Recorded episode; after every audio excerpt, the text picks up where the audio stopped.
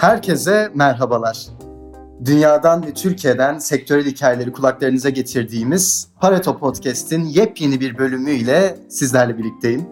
Ben Orçun ve her zaman olduğu gibi arkadaşlarım Vorga ve İren'le bugün sizler için dünya ve Türkiye'de son dönemlerde neler olmuş, güncel haberler, güncel sektörel hikayeler ne onu konuşuyor olacağız. Vorga, İren hoş geldiniz. Hoş bulduk Orçun. Hoş bulduk Orçun. Umuyorum geride bıraktığımız hafta sizler için de keyifli bir haftadır. Bugünkü başlıklarımız ilk başta sanıyorum daha önce Pareto özelinde o kadar da yoğun yoğun konuşmadığımız bir coğrafyaya gidiyor olacağız. Ve Latin Amerika ülkelerinin biriken kamu borcunu birazcık konuşuyor olacağız. Ki uzunca bir vakittir de gündemdeydi bu kamu borcu meselesi ve kamu borcu söz konusu olduğunda da ülkelerde en örnek gösterilen lokasyon çoğunlukla Latin Amerika oluyor. Burada yeni güncellemeler söz konusu. Bunu dinliyor olacağız. Sonrasında da Pareto'nun oldukça çokça defa konuştuğu coğrafyalardan birine Çin'e gidiyor olacağız ve Çin merkezli finansal teknoloji şirketi Ant Group'un halka arz planını irdeliyor olacağız. İsterseniz çok da vakit geçirmeyelim ve ilk konumuzla İren'e döneyim ben.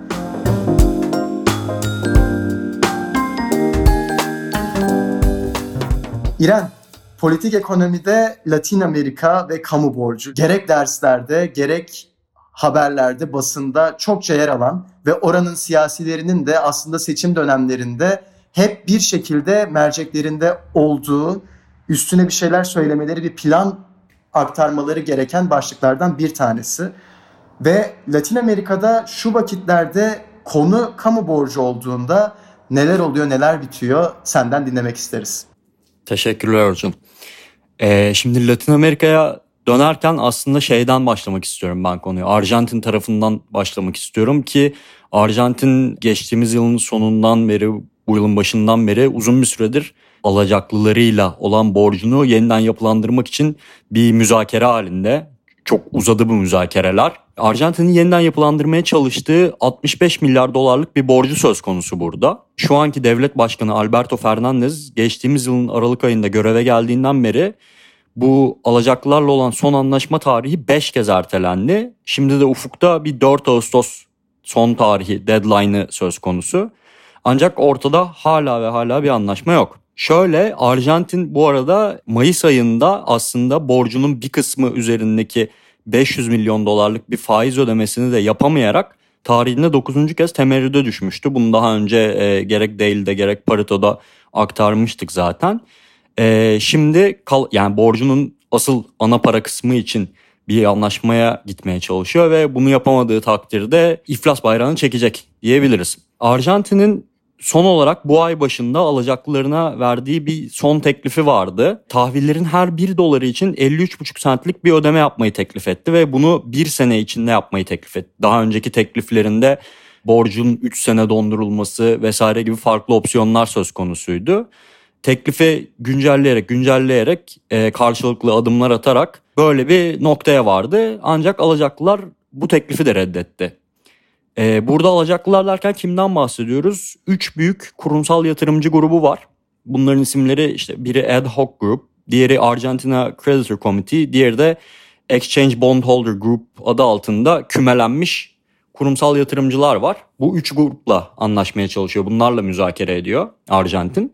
Ve e, Arjantin Maliye Bakanı Martin Guzman ve Devlet Başkanı bu son tekliflerinin önerebilecekleri en iyi teklif olduğunu ve gerçekten daha fazlasını yapamayacaklarını söylüyorlar. Martin Guzman uzun süredir alacakların Arjantin durumunu anlamadığından bahsediyor. Yani şu an zaten pandeminin de getirdiği e, ve pandemi öncesindeki sorunlarla birleşerek büyük bir kriz kar topuna dönüşen diyeyim sorunları anlamadıklarını söylüyor alacaklıların. Ya aslında aradaki mesafe de çok bir şey kalmamış durumda yani alacaklıların teklifiyle devlet, Arjantin devletinin hükümetinin teklifi arasındaki mesafe birkaç sente kadar inmiş durumda.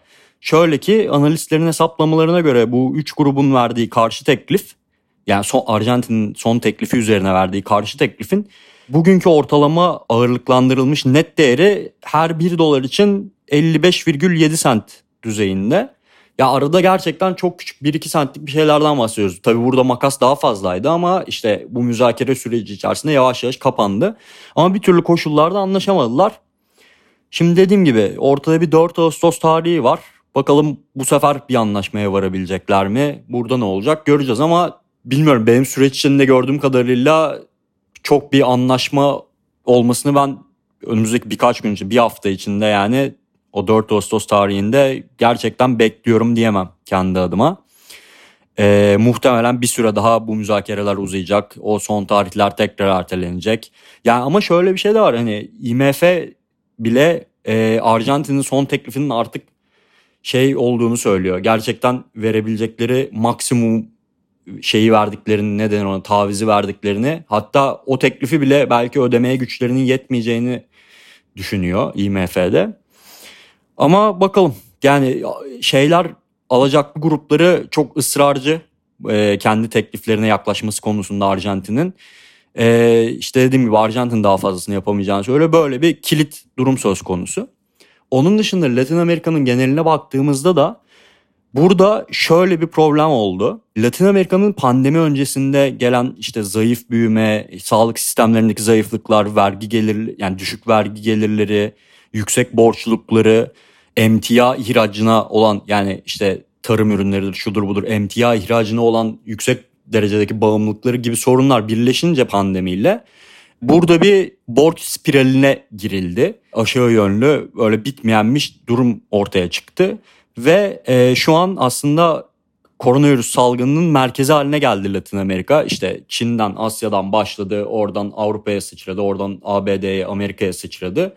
Oradan şu an güneye doğru inmiş durumda. Yani pandeminin merkezi konumunda Latin Amerika. İşte enfeksiyon oranları çok yüksek, ölüm sayıları çok yüksek ve gerçekten şu anki ekonomik durum orada çok iç açıcı gözükmüyor. Bununla birlikte işte hükümetlerin ülkelerindeki durumları kurtarmak için daha fazla harcama yapmaya mecbur kalması da borç yükünü ağırlaştırmış bulunuyor. Bu yıl borcun, kamu borcunun gayri safi yurt içi hasılaya olan oranına baktığımız zaman burada en büyük artışı gösteren e, gelişmekte olan ülkelerden bazıları Latin Amerika'da bulunuyor. İşte Şili, Brezilya, Meksika. Örneğin Şili'nin bu yılın ilk çeyreğinde yıllık bazda borç yükü %30 artmış durumda. Uluslararası kurumlar da burada alarm sinyalleri gördüğünü söylüyor.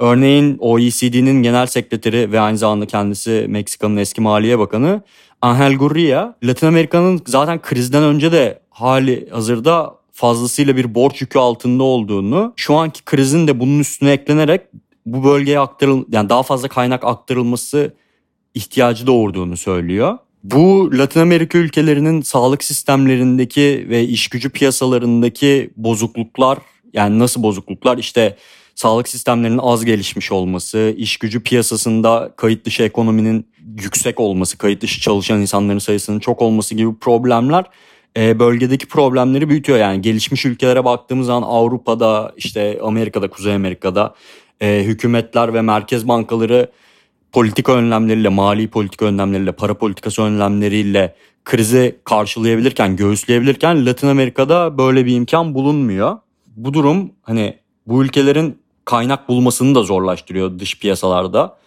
E, yatırımcılar buraya güvenemiyor ve buradan yani buraya kaynaklarını tahsis etmek istemiyor. Bu durumda problemi katlayarak arttırıyor. Bu yıl örneğin Brezilya'nın yani bölgedeki en büyük ekonomi Brezilya. Brezilya'nın e, kamu borcunun gayri safi yurt içi hasılasına olan oranının %100'e yaklaşması bekleniyor. Geçtiğimiz yıl %76 düzeyindeydi bu ve analistler bunun hani adeta bir saatli bomba olduğunu söylüyor. Ve Brezilya'da e, 2022'de 2 yıl sonra bir seçimler var ve bu yüzden de hükümetin çok böyle kemer sıkma politikalarına yönelmesi, hani mali pozisyonlarını kurtarmak için kemer sıkma politikalarına yönelmesi çok da beklenmiyor. Ee, burada başkan Bolsonaro piyasa reformlarını yapacağını e, yani yılın kalanında hani pandemi atlattıktan sonra piyasa reformlarını yapacağını söylüyor. Ama bunlar da çok şey gözükmüyor şu anki durumda olası gözükmüyor. Diğer taraftan Meksika'ya baktığımız zaman o da bu arada bölgenin ikinci büyük ekonomisi. Onların kamu maliyesi, kamu mali pozisyonları biraz daha sağlamdı diğer bölgedeki diğer ekonomilere kıyasla ve borç oranları biraz daha düşüktü. Ancak onların da bu dönemde ekonomiyi kurtarmak için harcama yapmak yerine biraz kemer sıkma politikalarını forslaması oradaki resesyonu da derinleştirecek ve oradaki toparlanma sürecini baltalayacak. Yani IMF Meksika'nın e, gayri safi yurt içi hasılasının bu yıl %10,5 kadar düşmesini bekliyor. Bu da şuna tekabül ediyor. Yani Meksika'nın dünyada krizden en sert etkilenen gelişmekte olan piyasa olmasına tekabül ediyor bu. Böyle riskler konusu söz konusu Latin Amerika'da ve önümüzdeki dönemde yani kısa ve orta vadede şu anki krizden çok bir çıkış yolu gözükmüyor. Ülkelerin daha fazla borçlanması haricinde bir çözüm yolu yok gibi. Böyle bir kilit durum söz konusu. Ancak dediğim gibi yatırımcıların buralara olan güveninin sarsılması da kaynaklara bu, buradaki ülkelerin kaynaklara erişimini giderek zorlaştırıyor.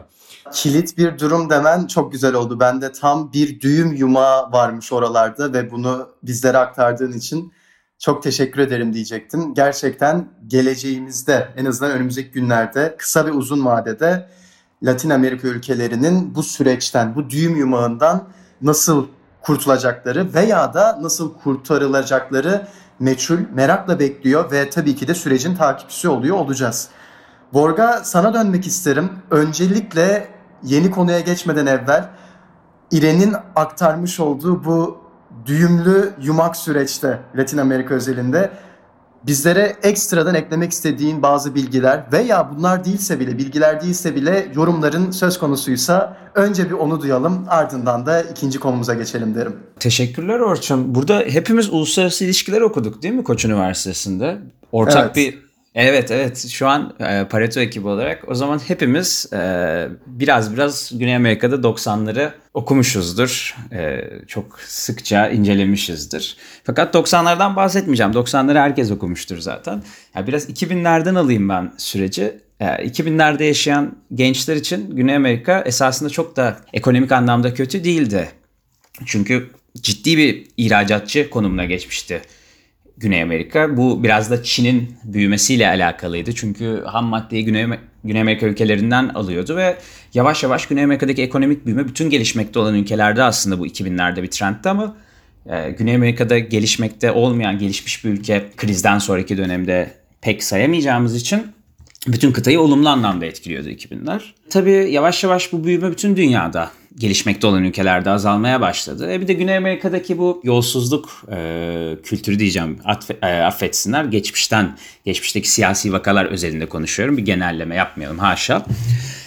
E, yavaş yavaş şunu fark etmeye başladılar. Yani burada e, politikacılarda bir yetersizlik var. Bahsettiğim Kolombiya'da, Venezuela'da, işte Peru'da, Brezilya'da, Arjantin'de, mesela Bolivya'da hepsi için geçerli. Hepsinin tarihinde. E şimdi 2020'lere geldik. Pandemi dünyada pek çok sektörü vurduğu gibi daha önce de bahsetmiştik. Sağlam olan yapıları vurdu ama bunlar bir şekilde daha güçlü bir şekilde atlattılar. Ama sağlam olmayan yapılar çok büyük daha çöküşün içinde buldular. Arjantin'den bahsederken İran benim ilgimi çekti. Arjantin'in esasında büyük sıkıntılarından biri orada e, şu an başkan yardımcısı Cristina Kirchner hatırlarsınız e, 2015 döneminde ülkenin başkanı seçilmişti. Ondan önce de eşi ülkenin başkanıydı. Şu anda Vice President olarak e, çalışıyor. Bir kendisi sol bir ekonomi destekçisi. Solcu diyebiliriz. Fakat genel olarak e, borç almak konusunda çok iyiyken bu borçları ödemek konusunda e, aynı politikaları gösteremedi. Yani biraz borç alan ve borçları geri ödemeyen bir e, sosyalist yönetim sergilediler yıllar boyunca. Güney Amerika'da böyle bir sorun var. Yani borcu alıp sonrasında düzgün bir sistem içerisinde katma değere dönüştüremeden ve sürekli bir borç batağının içinde kendilerini buluyorlar. Kolaylıklar dileyelim. Bu arada çok pardon ben küçük bir düzeltmeye gitmek istiyorum az önceki söylediklerimde. Şeyden bahsetmiştim Arjantin'in son teklifinin e, borçları bir yıl içerisinde ödemek olduğundan bahsetmiştim. E, notlarımda ufak bir karışıklık olmuş. Burada bahsetmek istediğim şey aslında şuydu. E, daha önce dediğim gibi 3 yıllık bir erteleme talep etmişlerdi ama şu an bunu 1 yıllık bir ertelemeye çevirmişler ve Eylül 2021'den itibaren bu borçları e, ödemek istediklerini söylemişler. Ama dediğim gibi zaten bu teklifte reddedildi. Yine de biz düzeltmiş olalım. Ağzınıza sağlık valla. Borga senle devam ediyoruz şu an. İkinci konumuz apayrı bir coğrafya.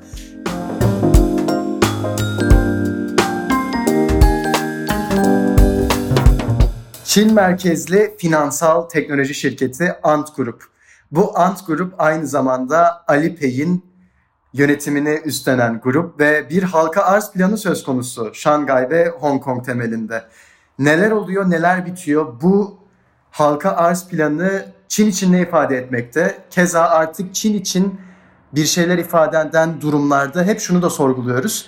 Dünyanın geri kalanı için Çin'de yaşanacak bu güncelleme neler ifade ediyor? Kafada var onlarca soru ve cevapları için sana dönüyorum. Tekrar teşekkür ederim Orçun. Normalde bu tip e, finans veya finansal teknolojiler de olsa bu tip haberleri İran'dan dinlemeye alıştığını biliyorum Pareto okuyucusunun ama bugün dedim ki oğlum sen zaten Güney Amerika'yı anlatacaksın. Bunu da ben anlatıvereyim diye çalıştım dersime. Elimden geldiğince anlatmaya çalışıyor olacağım. Tabii espri yapıyorum yani çok e, ilgilendiğim bir konuydu. Bu haftanın başından itibaren e, bu gündemde koronavirüs dışında bir gündem olarak karşımıza çıktı. Sen de biraz önce bahsettin. Bir ödeme sistemleri şirketi Ant grubu Şimdi Şangay'da ve Hong Kong'da halka arz edilecekler. İşte e, basını taradığınızda 150 ila 200 milyar dolar arasında bazen 210-215 milyar dolarlara çıkıyor. Bir değer biçiyorlar bu şirkete. E, yine Jack Ma'nın şirketi 1,3 milyar da aktif kullanıcısı var. Şimdi Çin'in en popüler ödeme sistemi Alipay'i bünyesinde bulunduruyor aslında bu şirket. Tabi servet yönetimi olsun bu mikro krediler farklı dikeylerde de büyüyorlar. E şimdi Pekin çıkışlı oldukları için de küresel piyasalarda en azından medyatik anlamda ismi o kadar bilinmiyordu. Yani bir PayPal kadar popüler değildi. Sektör içerisindeki yeri ayrı, onu ayrı tutuyorum. Daha kitlelerden bahsediyorum. Fakat e, şöyle bir gündemi tararsanız şunu görüyorsunuz. Wall Street Journal'dan CNBC'ye işte şirketin ederi sohbet ettiğimiz geçen hafta Wall Street bankalarından bahsetmiştik. Bunların e, tek tek isim vermeyeyim ama bazılarından daha büyük bir şirketten bahsediyoruz. Piyasa değeri anlamında konuşuyorum tabii. Şimdi büyümek için çok avantajlı bir ekosistemden geliyor Ant grubu. E sonuçta faaliyetleri ağırlıklı olarak Çin pazarında. E pazarınız Çinse zaten küresel olmanız o kadar da gerekmiyor ilk etapta para kazanmak için. Nüfusun büyüklüğünden de bahsetmiyorum sadece. Çin dijitalleşmenin çok çok çok yüksek olduğu bir pazar. Bu biliyorsunuz QR teknolojilerinden beri mobil ödeme sistemleri ülkede inanılmaz popüler. Hala QR kod üzerinden ödeme yapmak Bugün bir e, Business Week'in yok QuickTake'in Bloomberg QuickTake'in bir YouTube videosunu izliyordum. 30 dakika bir belgesel yapmışlar. Ee, insanlar nakit ve kredi kartı kullanmıyorlar. Herkes e, QR kod üzerinden ödeme yapıyor. Daha gelişmiş sistemler var ama e, sonuçta nakit ödemekten de daha gelişmiş sistemler var. QR kod bir kültür olmuş orada. İşte kırsal kesimlerde durum ne bilmiyorum tabii Çin'de. Ben daha ziyade bir Shenzhen, Şangay, Pekin gibi böyle kalabalık şehirlerden bahsediyorum. E şimdi şirketin üçte biri e, Alibaba'da, Jack Ma'da dolayısıyla Çin'in Amazon'undan bahsediyoruz sonuçta. Böyle bir güçte olunca arkanda Çin'in en popüler ödeme sistemi olmamak zor olurdu. 2004'te kurmuşlardı Alipay'ı. İşte 9 yıl önce ayrıldı ana yapıdan. Farklı bir şirket olarak kurguladılar onu Ant ismiyle. Bunun hakkında da şirketin CTO'su sanırım. Yanlış bilgi vermek istemem bir üst kademe yöneticisi. Hani biz e, şeylerin yanındayız. Çalışan insanın yanındayız. işçinin yanındayız gibi bir söylemi vardı. Ant ismi de oradan geliyormuş. İlginç gelmişti bana da.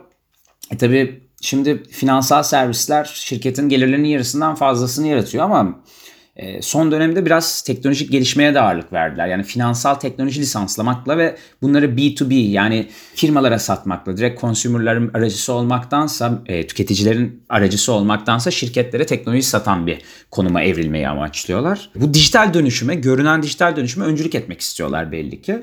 E, geçenlerde Hindistan merkezli bir e-cüzdan Paytm diye bir şirkete de yatırım yaptılar bu vizyon doğrultusunda. Aynı zamanda şeyde her fırsatta açık açık dile getiriyorlar. Alipay benzeri lokal servisler yaratmak istiyorlar. Yani tek bir marka üzerinden değil bu ödeme sistemlerini lokal şirketlerle de büyüyecekler. Sonrasında yani IPO'ya gelelim. Esasında e, IPO'yu anlatmadan önce yani ben kendi donelerimi eklemeden önce burada İren'e dönmek isterim. Çünkü burada bir halka arz var ve bu halka arz e, Çin'de iki borsalı bir yapıda, iki borsalı değil e, Hong Kong ve Şangay'da farklı borsalarda çıkacak bunlar İran.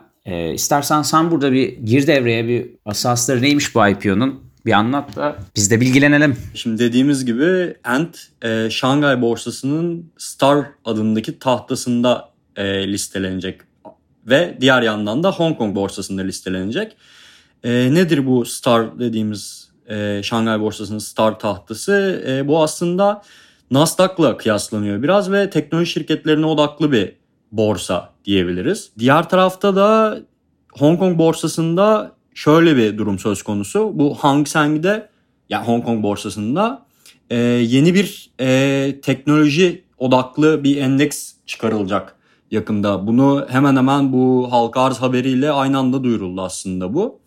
E, burada da bu yeni teknoloji endeksinde 30 şirket olacak. Bunun içinde ne var? İşte Alibaba var, e, Tencent var. Alibaba'nın en büyük rakibi ve işte Ant'in ardından örneğin e, Çin'in en büyük bu mobil ödemeler pazarındaki en büyük oyuncusu işte WeChat üzerinden, WeChat uygulaması üzerinden. Buradaki toplam 30 şirketin yaklaşık 1,6 trilyon dolarlık bir piyasa değerine sahip olması bekleniyor. Ant Group da IPO'sunu yaptığı zaman, halka arzını gerçekleştirdiği zaman muhtemelen çok çok çok büyük bir ihtimalle burada yer alacak. Bu da şu demek, e, Hong Kong'un malum son dönemdeki gelişmelerle işte Çin'in çıkardığı yeni ulusal güvenlik yasası ee, bunun üzerine Hong Kong'un statüsünün biraz tehlike altına girmesi, bu bir Asya'nın finans merkezi olarak statüsünün tehlike altına girdiğinden bahsetmiştik. Buradaki e, yatırımcıların işte Singapur gibi alternatif alanlara kaçabileceğinden bahsetmiştik. İşte ABD'nin Hong Kong'un özel ticaret ayrıcalıklarını kaldırdığından bahsetmiştik. Böyle biraz çalkantılı bir dönemde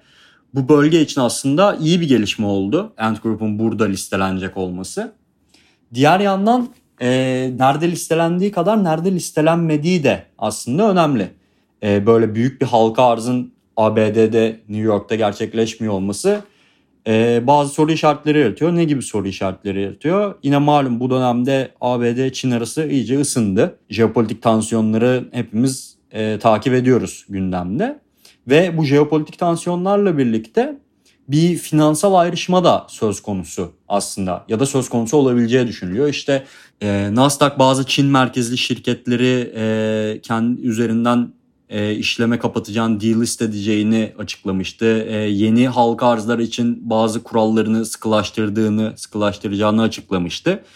E, bu tarz gelişmeler Asya merkezli şirketleri biraz daha nasıl diyeyim eve yakın kalmaya e, yönlendiriyor. Çin içerisinde ya da bölgede işte Hong Kong'da kalmaya yönlendiriyor. Ve ABD'den biraz uzaklaştırıyor bu tarz yeni politikalar. E, bununla birlikte aynı anda işte zaten işte Çin'deki ve Hong Kong'daki piyasaların da biraz daha dünyaya açılması yani şey anlamında işte buradaki yasal düzenlemelerin daha böyle inovasyona yönelik yapılması işte yeni gelen e, bu e, işte Hang Seng'in teknoloji endeksi olsun bu Star endeksi olsun endeksi değil de borsası diyelim. E, bu tarz şeylerle işte Shenzhen borsasında Chinext diye başka bir yine teknoloji ve startup odaklı bir şey var. Orası da yeniden yapılandırılıyor.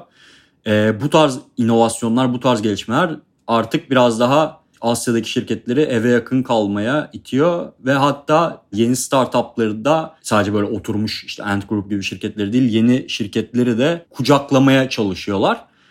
Neyse şuraya gelecektim. Ee, dediğim gibi bir finansal ayrışma durumu söz konusu mu acaba diye bir düşündürtüyor insanları, yatırımcıları bu gelişmeler. Ancak bazı analistler de benim habere bakarken gördüğüm kadarıyla bazı analistler de bu kararın aslında yani halka arz kararının e, aslında sadece şu an için bir stratejik bir karar olduğunu düşünüyorlar ve yani bu zaten Ant'in şu an işte Şangay'da ve Hong Kong'da halka arz edilecek olması yarın öbür gün işte Londra'dır, ABD'de, New York'tadır, Singapur'dadır buralarda halka arz edilmeyeceği anlamına gelmiyor.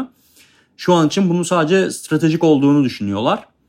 Ee, ve hani biraz bu finansal ayrışma endişelerini endişeye mahal olmadığını söylüyorlar. Borga var mı eklemek istediğin bir şeyler? Bir baktım ben de notlarıma. İran neyden bahsedecek, eklemek istediğim bir şey var mı? Şimdi neyden bahsetsem esasında İran'ın dediklerine bir farklı bir şey katmayacak ama şunu düşündüm ben de konuşma esnasında.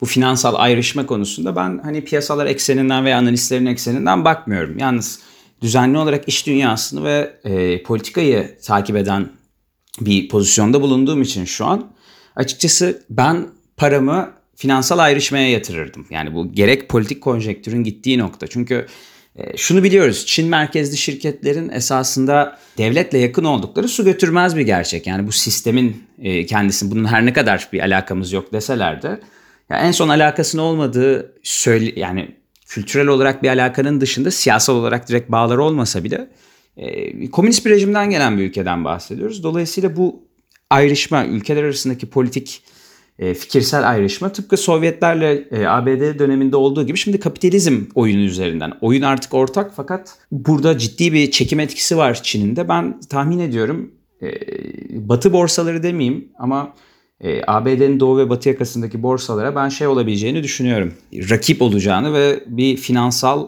e, iki kutuplu bir finansal sisteme doğru gidilebileceğini söylüyorum. Tabii bu bir spekülasyon esasında fakat bu benim e, kendi yorumum olacaktır deyip ben de bitireceğim. Vallahi arkadaşlar tekrardan ağzınıza sağlık. Her zaman dediğim gibi çok keyifli başlıkları, daha doğrusu çok keyifli başlıklar demeyeyim, başlıklardan bazıları konu Pareto oldu mu iç karartan ya da geleceğe dair endişe veren gündemleri alakadar ediyor olabiliyor ama bu gündemleri de detaylandırmasıyla, bakış açısıyla, perspektifiyle çok keyifli yorumladığınız kanaatindeyim ben. O noktada araştırmalarınıza, vaktinize, ağzınıza sağlık. Dinleyicimize dönecek olursak eğer bir başka bölümün daha sonuna geldik. Pareto Podcast olarak dünyadan ve Türkiye'den sektörel hikayeleri sizlere ulaştırmak için gayret göstermekteyiz. Bu bölümde ilk olarak Latin Amerika ülkelerine uzandık ve bu ülkelerin özellikle Arjantin örneğinden yola çıkarak birikmiş kamu borcunu ve bu borcun yarattığı yükü dinledik. Sonrasında Çin'e yönelttik bakış açımızı ve Çin merkezli finansal teknoloji şirketi Ant Group'un halka arz planı alakadar konuştuk. Gelecek haftalarda görüşmek üzere diyoruz ve tabii ki sizlere veda etmeden önce de fikir ve önerileriniz için her daim bizlere gerek Pareto ekibine gerekse Aposto ekibine ulaşabileceğinizi ve ulaşmanızı da dilediğimizi belirtmek istiyoruz. Gelecek haftaya kadar kendinize iyi bakmanızı dilerim. Görüşmek üzere.